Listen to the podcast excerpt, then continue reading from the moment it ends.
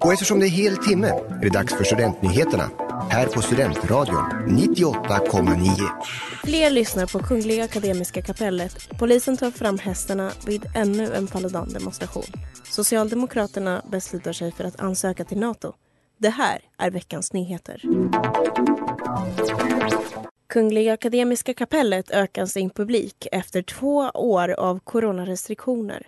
För att hållas relevant har kapellet spelat in konserter online med mindre grupper och begränsat publikstorleken.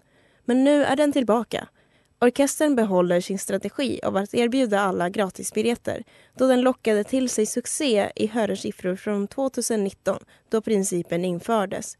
Terminens sista konsert, Vårkonserten, ägde rum i söndags den 15 och bjöd över tusen åskådare på Tchaikovskys Patetik och Beethovens pianokonsert nummer tre. Vi har talat med studenter som lyssnade på vårkonserten men annars även spelar på kapellet. Adeline är en av dem. Är du nöjd med den publiken som ni har fått sedan pandemin? Absolut. Det har varit fullsatt på de flesta konserter. Så det är superkul att folk fortfarande vill höra musik. Rasmus Paludan, ledare för det högerextrema danska partiet Stramkurs hade sin demonstrationsrutin i Uppsala i lördags den 14 maj. Polisen bytte demonstrationsplats från Vaksala torg till Österplan en timme innan eventet. Runt dansk-svenskens megafon fanns ett tiotal polishästar med ryttare och andra kravallutrustade poliser som höll avspärrningen.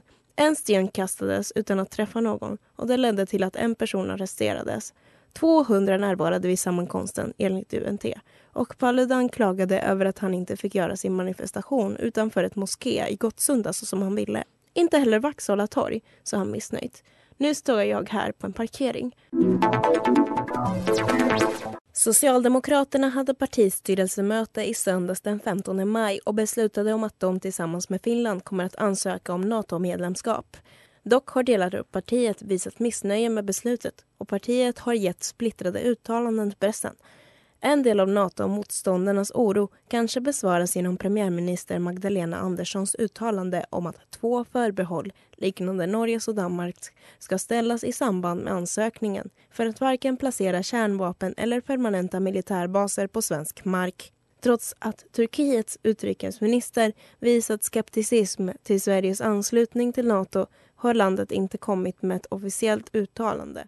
Natos generalsekreterare Jens Stoltenberg berättade för Ekot att han planerar en snabb och smidig process för Sverige.